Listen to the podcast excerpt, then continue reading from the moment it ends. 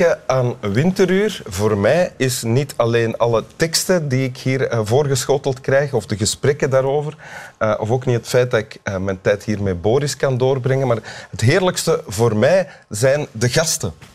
De mensen die hier komen zitten, dat zijn tot nu toe bijna allemaal topgasten geweest, in mijn beleving. Drie niet. U mag zelf raden welke niet. Maar vandaag ben ik heel blij, want naast mij zit Peter Buwalda. Welkom. Dankjewel. Peter Buwalda kent u als schrijver van Bonita Avenue, waarschijnlijk. Ja, voor de rest... Uh... De meeste mensen, dat is ook een uh, enorme bestseller, toch? Ja, er is veel van verkocht, zeker. Ja, ja. en een debuut. ja. Dan ook nog eens, en je bent ook uh, columnist. ja, dat is waar. Van de Volkskrant. Want heel onlangs is nog een bundel columns verschenen in boekvorm. Ja, dat is waar. Uh, uh, verse props. Verse props. Ja. Uh, en je bent ook, dat weet denk ik bijna niemand, tot je 18 een, een halve Belg geweest? Ja, zeker. Tot ik zelf mocht beslissen. En toen ben ik toch Nederlander geworden. Ja? Ja, ik moest kiezen. En toen werd een week later werd de dienstplicht in België afgeschaft. Dus had ik meteen spijt.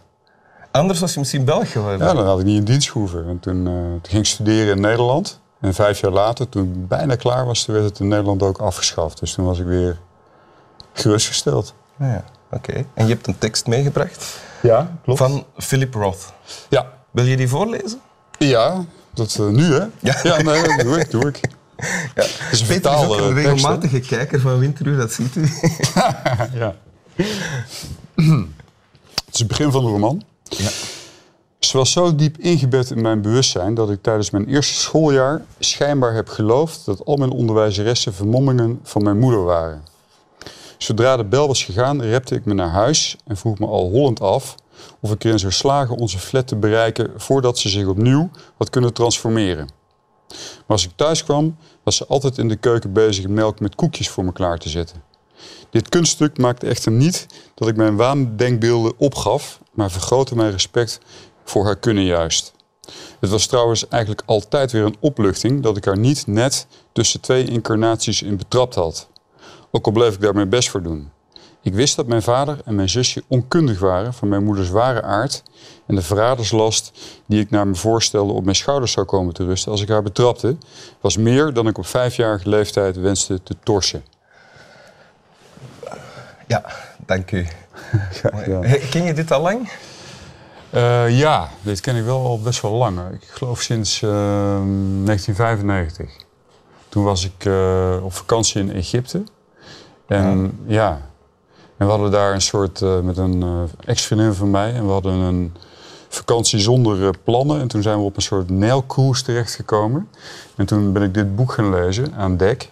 En ik herinner mij dat ik alles ineens onbelangrijk vond van die hele vakantie. We kwamen best op belangrijke plaatsen, schijnt het. Maar ik wilde altijd doorlezen, omdat het me zo greep. Het boek van Roth. En zij werd op een gegeven moment ziek, die, uh, die vriendin. Lara heette ze.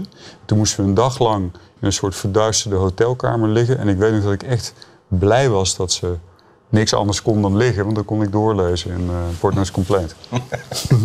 Ze sloeg heel erg in. Dus je bent geen grote Egypte-reiziger geworden na die ene reis? Nee, ik, ik herinner me vooral Philip Roth van, uh, van Egypte. Ja, ja. Dat is een soort farao. Oké. Okay. Ja. Ga, ga, je vaak op reis? Liever, het... liever niet. Liever niet? Nee, ik, ik hou niet van reizen. Oké. Okay. Omdat me er eigenlijk altijd het verkeerde van bijblijft. Het is wel vaker gebeurd dat ik eigenlijk iemand herinnerde die ik gelezen had. En dan de reis verder vergat en de verkeerde associaties ook uh, ben gaan leggen. Is het waar? En ik ja. denk dat dit ons ook hierbij terugbrengt, bij dit stuk. Uh, dit stuk tekst. Waarom heb je dit gekozen? Nou, ik vond het een, uh, een goed voorbeeld van dat de verwoorde werkelijkheid, wat mij betreft, dus door een schrijver, een goede schrijver moet ik erbij zeggen, vaak intenser is en preciezer, geestiger en meer waar ook dan de werkelijkheid zoals je meemaakt, vind ik.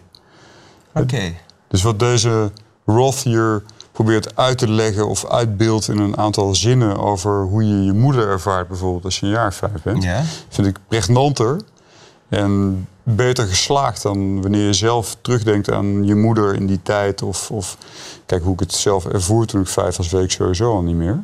Maar het idee dat je moeder iedereen is eigenlijk. Hè? Dus dat, dat beschrijft hij eigenlijk. Ja, dat beschrijft hij, ja. En dat dat dan ook nog eens voor druk zorgt in zijn kleine jongenshoofdje. Uh, dat hij zijn moeder niet wil verraden als degene die ook nog eens al die onderwijzeressen is. Ja, dat is mooi. Dus ook meteen de trouw en de loyaliteit. En zelfs kennelijk als jochie eh, de, de neiging om zijn moeder te beschermen. Notabene tegen zijn vader en zijn zusje staat in die paar zinnen. Ja.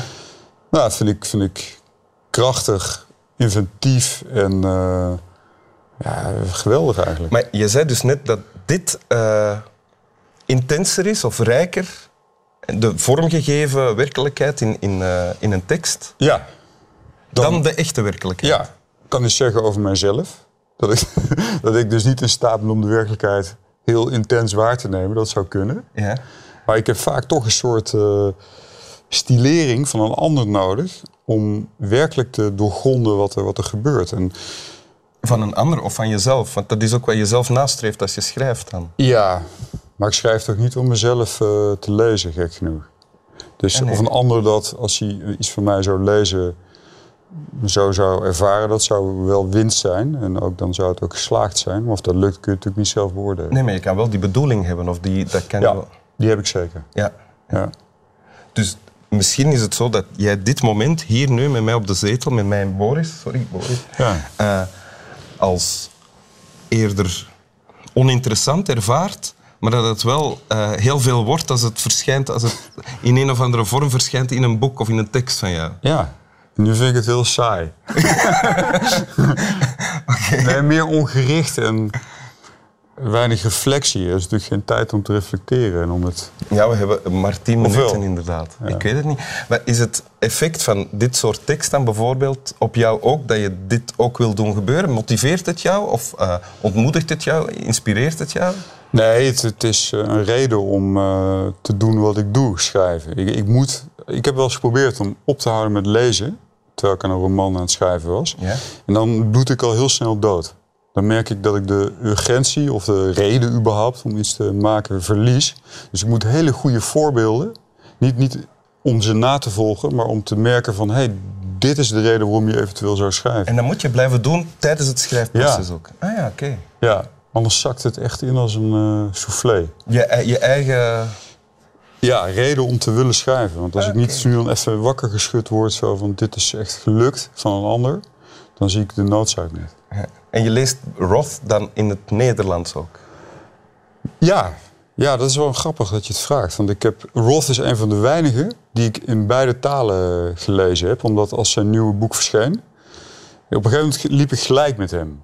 Want uh, hij was nog dus bezig. was nog niet in het Nederlands uit en dan wou je hem al ja, meteen hem al snel ja. halen in het Engels. Las ik het in het Engels. En dan merkte ik een soort filtertje, een soort glazen wand tussen mij en, en die tekst. Omdat die Engelse taal, die, die, die beheers ik wel enigszins, maar niet goed genoeg. Want dan een maand later, zo kon ik het testen, kwam de vertaling, of twee maanden later. En die las ik dan. En dan was het toch alsof ik in een soort, alsof ik het ijs kapot sloeg. En in, niet in een koude zee terecht kwam, maar in een warm bad van dit nu snap ik het echt helemaal. Weet je wel? Nu doorgrond ik het pas werkelijk. Ja. Dus ik geloof ook in vertalingen. Okay. Goede vertalingen. Ja. ja. Dat is een uh, inspirerende boodschap voor vertalers en voor eender wie die de tekst niet noodzakelijk in de brontaal leest, want er hangt ook veel snobisme rond. Ja, ja. heel veel. Maar dat is dan nog een andere, een andere gesprek waar we nu niet... in... tien minuten over. ja. En onze tijd zit er haast op. Wil je het nog eens lezen? Waren dit tien minuten? Zo. Ik denk het, ja. Dus die, tijd, die saaie tijd is dan toch snel gegaan. Dat spreekt dan toch weer voor de werkelijkheid, ja. uh, goed. Spreekt dan toch weer voor de werkelijkheid. Nog een keer dan. Ze was zo diep ingebed in mijn bewustzijn dat ik tijdens mijn eerste schooljaar schijnbaar heb geloofd dat al mijn onderwijzeressen vermommingen van mijn moeder waren. Zodra de bel was gegaan, repte ik me naar huis en vroeg me al hollend af of ik erin zou slagen onze flat te bereiken voordat ze zich opnieuw had kunnen transformeren. Als ik thuis kwam, was ze altijd in de keuken bezig melk met koekjes voor me klaar te zetten. Dit kunststuk maakte echter niet dat ik mijn waandenkbeelden opgaf, maar vergrootte mijn respect voor haar kunnen juist. Het was trouwens eigenlijk altijd weer een opluchting dat ik haar niet net tussen twee incarnaties in betrapt had. Ook al bleef ik daar mijn best voor doen. Ik wist dat mijn vader en mijn zusje onkundig waren van mijn moeders ware aard. En de vaderslast die ik naar me voorstelde op mijn schouders zou komen te rusten als ik haar betrapte, was meer dan ik op vijfjarige leeftijd wenste te torsen. Dank u. Roth. Alsjeblieft. En we eindigen met de mensen wel te rusten te wensen. Wel rusten, mensen. Slap wel. Doe je dat zo? Ja? Oké. Er zijn ook mensen die echt gaan slapen na winteruur. Ah, dat is een fijn, vredig idee. Ja, hè? Ja. Om dat één keer te mogen doen. Namijmerend over wat er hier allemaal gezegd is. COVID. We nemen dit ook nog op. Nemen, nemen we dit ook nog op? Ja. Oh, oké.